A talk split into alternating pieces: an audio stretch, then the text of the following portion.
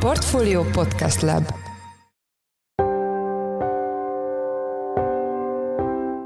Mindenkit üdvözlünk, ez a Checklist, a Portfolio munkanapokon megjelenő podcastje július 29-én pénteken. A mai műsor első részében arról lesz szó, hogy egyre többször merül fel kormányzati oldalról, hogy a gázfelhasználás csökkentése érdekében tradicionálisabb technológiákra térhetnének vissza a háztartások, illetve egyes közintézmények is a fűtés tekintetében. A fa olaj és széntüzelésnek azonban van jó néhány hátulütője, ráadásul teljes fűtési rendszerek cseréje nélkül is megoldható az energiafelhasználás radikális csökkentése.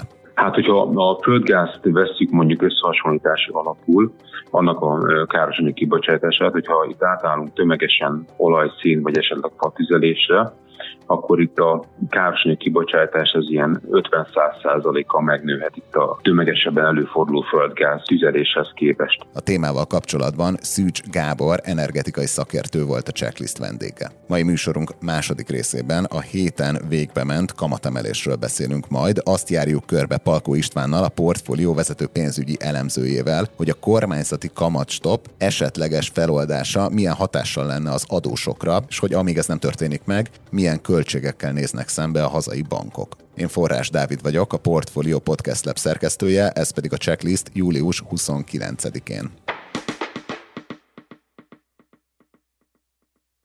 Csütörtökön végig szaladt a magyar sajton a Klubrádió értesülése, mely szerint a belügyminisztérium arra utasította az oktatási intézményeket, haladéktalanul mérjék fel a gázról fatüzelésre történő átállás mi hamarabbi lehetőségét. Emellett péntek reggel Orbán Viktor miniszterelnök már arról beszélt, indul egy kájha és kazán program, aminek lényege, hogy ahol lehet, ezzel váltsák ki a gáz felhasználást. Azzal kapcsolatban, hogy mit jelentenek ezek a technológiák, és milyen körülményeket érdemes figyelembe venni, mielőtt otthon is leszerelni használnánk a gázbojlert. Itt van velünk telefonon keresztül Szűcs Gábor, energetikai szakértő. Jó napot kívánok, üdvözlöm a checklistben. Jó napot kívánok én is. Első kérdésem, hogy elvonatkoztatva a felvezetőben említett fejleményektől, miért előnyösebb gázzal fűteni, mint fával vagy olajjal? Ugye úgy is feltehetném a kérdést, hogy miért álltunk át tömegesen az elmúlt évtizedekben a már említett energiahordozókról gázra?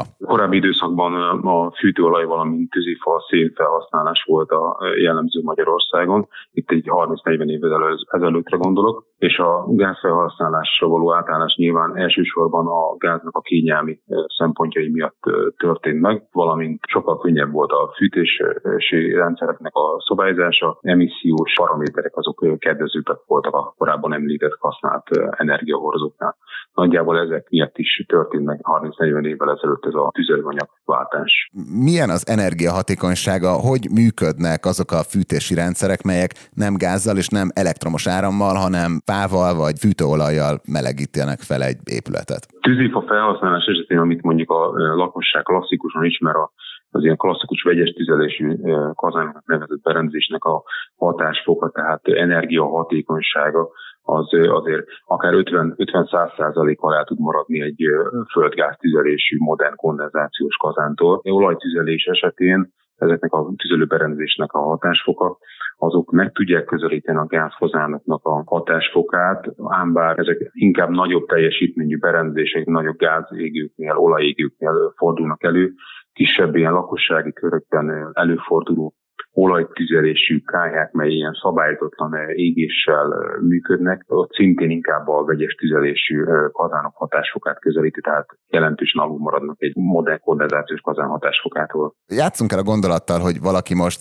gázbojlerrel vagy konvektorral fűt otthon, akkor milyen lépéseket kell tennie, és milyen költségekkel számolhat, ha szeretne átállni egy ilyen fa vagy olajtüzelésű rendszerre? Nyilván a legegyszerűbb megoldás az, hogyha decentralizáltan kívánja ezt tenni, tehát helyi patizelésű kájhát vagy olajkájhát épít be, akkor én neki költségként jelentkezik egy-egy ilyen hőtermelő berendezés beszerzése, valamint a hozzá szükséges égés termékelvező rendszer kiépítése. Nagyon fontos dolog, hogy ennek a rendszernek a légutánpótlása is, hogy ez biztonságosan üzemeltethető legyen. Ennek a nagyságrendi költsége, hogyha helyiségenként tekintjük egy kémény kiépítés plusz egy hőtermelő berendezés beszerzése, ez azért ilyen 500 ezer forintos nagyságrendet is kitehet. Milyen hatással van egy településre, főleg városi környezetben, hogyha hirtelen tömegek kezdenek el ilyen energiahordozók felhasználásával fűteni?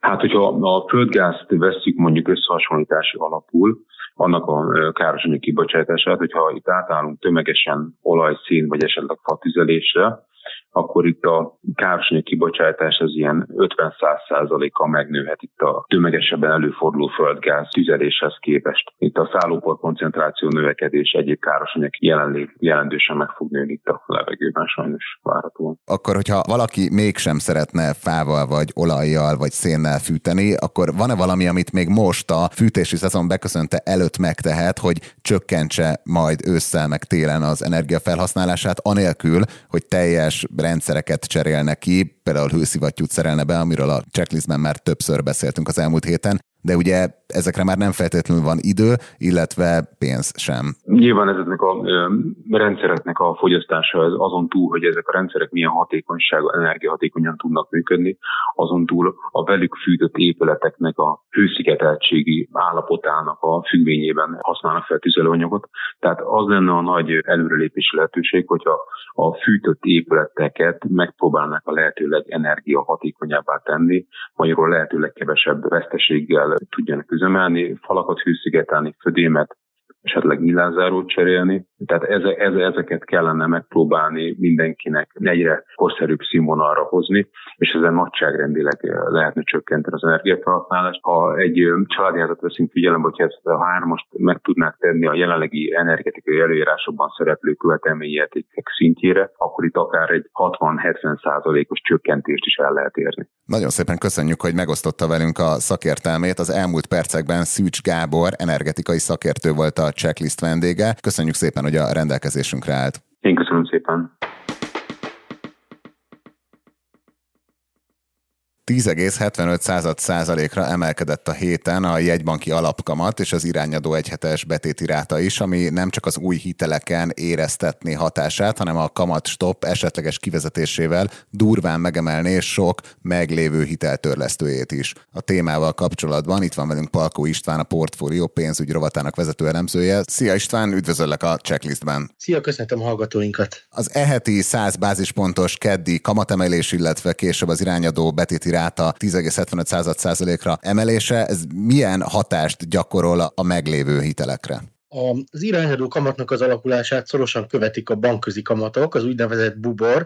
Ennek is a 3-6-12 havi lejáratú értéke az az, ami érdekes a változó kamatozású hitellen rendelkezők számára. Köztük vannak lakáshitelesek lakossági oldalon, vállalati oldalon viszont nagyvállalatok, illetve KKV-k is rendelkeznek ilyen hitelekkel, és ezt a referencia értéket követi a hitelüknek a kamata, és ezen keresztül ugye a törlesztő részlete, és attól függően, hogy mikor van a hitelforduló napja, ez 3, 6 vagy 12 havonta lehet. Most az elmúlt hetek kamatemelései természetesen közvetlenül azokat fogják érinteni, akiknek augusztusban fordul a hitelük. Egy 2009-es törvény alapján az ő kamatokat azt az, a hónap utolsó munkanapját két nappal megelőző értékhez kell hozzákötni.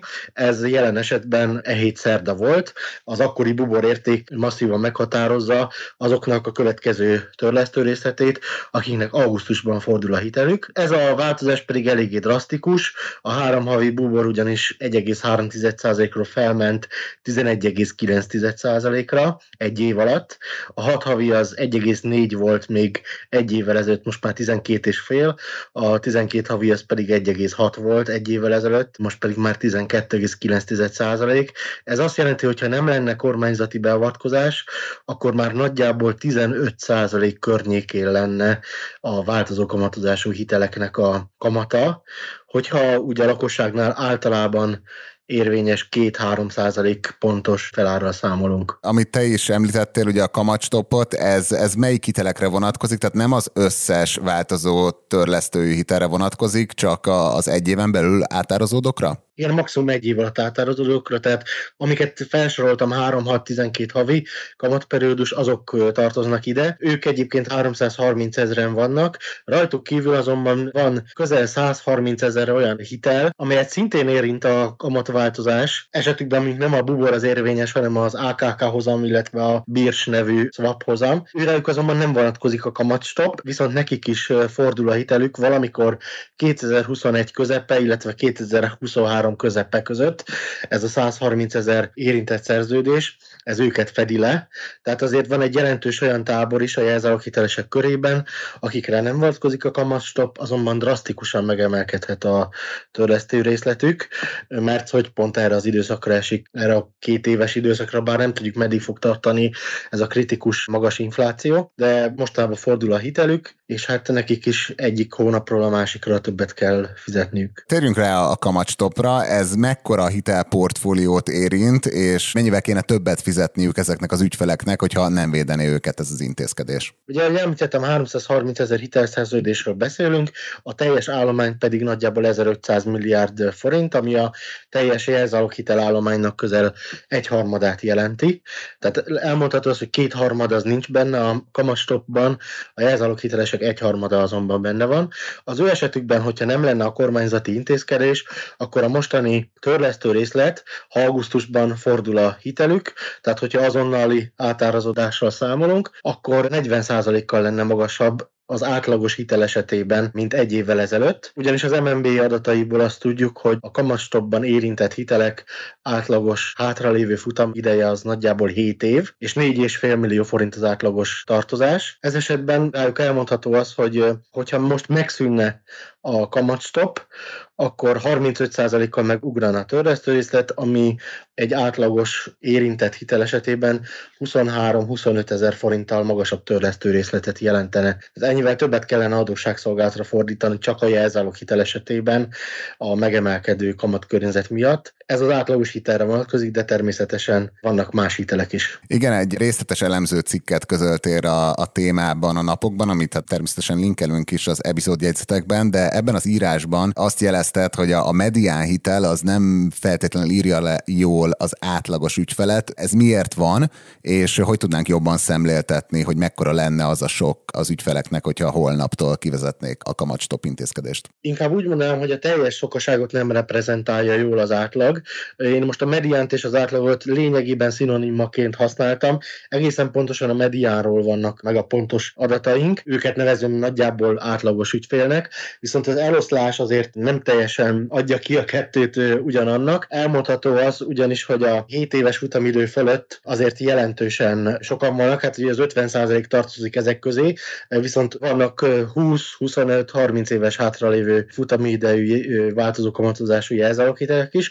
Nem olyan sokan, mert azért az utóbbi években viszonylag kevesen vettek fel változó kamatozású jelzálóghitelt, és rájuk jellemző azért elsősorban az, hogy még nagyon sok van nekik hátra a futamidőből. Az MNB kiszámolta azt, hogy összességében hogyan sújtja ezeket az ügyfeleket, illetve milyen a megoszlás ezeknek az ügyfeleknek, hogyha egy 5% pontos kamatemelkedéssel szembesülnek. Hát ugye az az igazság, hogy a kamatstop bevezetése óta sajnos a kamatemelkedés az ennek a duplája volt. Egészen pontosan nem ismerjük az eloszlást, hogy milyen sokkot kapnak azok, akiknek nagyon magas a hátralévő futamidejük. Az eloszlásokat nem ismerjük, de például kiragadva tudok mondani néhány példát. Például, hogyha valakinek 20 éves a hátralévő futamideje, akkor bőven duplázódásról is beszélhetünk a törlesztészet esetében egy év alatt. És amit említettem, hogy az MNB kiszámolta, hogy egy 5% pontos kamatemelés mivel jár, arról elmondható az eloszlás szempontjából, hogy 83 ezer olyan szerződés van, akit 15 ezer forintnál és 15%-nál nagyobb törlesztőrészlet emelkedés érint, és 24 ezer olyan szerződés van, amelynél 30 ezer forintnál, illetve 30%-nál is nagyobb a törlesztőrészlet emelkedése, amennyiben 5% pontos az az emelkedés.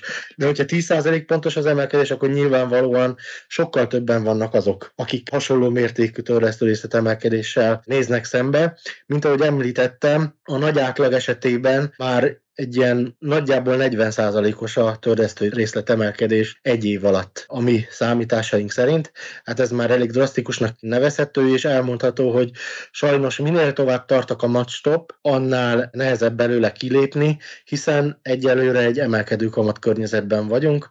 Nagyon drága a rendszer a bankok számára, és hogyha úgy döntene a kormány, hogy befejezi, kivezeti ezt az intézkedést, akkor pedig annál nagyobb sok fogja érni a háztartásokat. De mekkora költsége van ennek az intézkedésnek? Ugye ezt az összes költséget ugye a bankok állják. Ezt ugye viszonylag könnyű kiszámolni. Most ilyen szerencsés helyzetben is vagyunk, hogy egészen kerekek ezek a számok.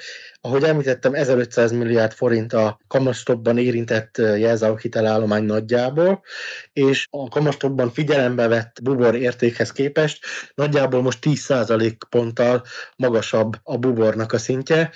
2% fölött volt valamivel a kamastopban használt buborérték, és ehhez képest most 12% fölött van az átlagos figyelembe vehető bubor, tehát volt egy nagyjából 10% pontos emelkedés. Ez banki szempontból azt jelenti, hogy hogy minden hitel esetében nagyjából 10%-nyi kamatot azt nem az ügyfél fizet, hanem a banknak kell fizetnie. Úgy értem a 10%-ot, hogy a 12%-ból 2%-ot kell fizetni az ügyfélnek, most itt csak a referencia kamatot figyelembe véve. Az összes többit azt a bank állja, tehát mondjuk 12%-ból 10%-ot a bank fizet. Ezt, hogyha az 1500 milliárd forintos állományra vetítjük, akkor elmondható, ha így maradna a kamatkörnyezet, akkor nagyjából 150 milliárd forintjába kerülne egy év alatt a bankszektornak a kamatstop fenntartása. Távolodjunk el egy kicsit a kamatstoptól. A vállalati hiteleket hogy érinti a kamatemelés? Ugye néha megfeledkezünk róluk, ugye a lakosságot érinti darabszámban nagy tömegben a kamatváltozásnak a hatása, ugyanakkor az elmondható, hogy a nagy vállalatoknál különösen elterjedt a változó kamatozású hitel, ugyanakkor minél nagyobb egy vállalat elmondható az, hogy a kamatkörnyezet változása nem feltétlenül érinti a költségei között annyira drasztikusan, mint mondjuk egy kisebb céget. A KKV-k esetében ugyanúgy jellemzőek a változó kamatozású hitelek, de azért kisebb mértékben, hiszen őket kifejezetten fix kamatozású programokkal szólították meg az elmúlt években. Emlékezzünk csak a koronavírus miatt újból bevezetett növekedési hitelprogramra, az NHP hajrára. Voltak akkor bevezetett és azóta megújított, vagy részben megújított magyar fejlesztési banki kölcsönök, illetve hát a Széchenyi kártya, amely most júliusban indul el egy új formában, Széchenyi kártya Max címen, de korábbi szakaszokban már létezett, és jelentős részben meglévő hitelek kiváltására használták ezeket a programokat az ügyfelek, illetve amikor meg kellett hosszabbítani egy finanszírozást, akkor már a program keretében fix kamatozású formában, ráadásul alacsony kamatszint mellett vették igénybe a hiteleket. Ennek ellenére még mindig elmondható, és ez mondjuk egy, egy tavalyi adat, hogy az MNB adatai szerint a vállalati hitelállománynak kicsivel több, mint a fele még mindig éven belüli kamatozású volt. Az ő esetükben szintén elmondható, hogy mondjuk egy korábban 5-6 százalékos átlagos kamat, ami beruházási célú piaci kamatozású hiteleknél a KKV-knál minden további nélkül elképzelhető volt, az most 15 százalék környékén fog már ketyegni ezen bubor adatok mellett, és hát azért nagyon sokan meg fogják azt gondolni, hogy ezt már nem fogják felvenni, hiszen nem termelik ki ezt a megtérülést az a beruházás, amire igénybe vennék a finanszírozást, úgyhogy vagy a Széchenyi kártyához nyúlnak, MFB-s programot vesznek igénybe, vagy devizafinanszírozást is igénybe vetnek, tehát megnőhet a devizahitelezés. Persze ez csak azoknak ajánlható, akik természetes deviza fedezettel, tehát deviza bevétellel, euróbevétellel vagy dollárbevétellel rendelkeznek. Tehát emiatt, ezek miatt a hatások miatt egyébként nem csak a vállalati, hanem a lakossági oldalon is a hitelkereslet jelentős visszaesésére számítunk az év második felében, hiszen most már elmondható, hogy beléptünk a 10% feletti, a kétszámjegyű kamatoknak a korába. Köszönjük szépen az elemzésedet. Az elmúlt percekben Palkó István, a portfólió pénzügy rovatának vezető elemzője volt a checklist vendége. István, köszönjük, hogy a rendelkezésünkre álltál. Én is köszönöm a figyelmet, sziasztok!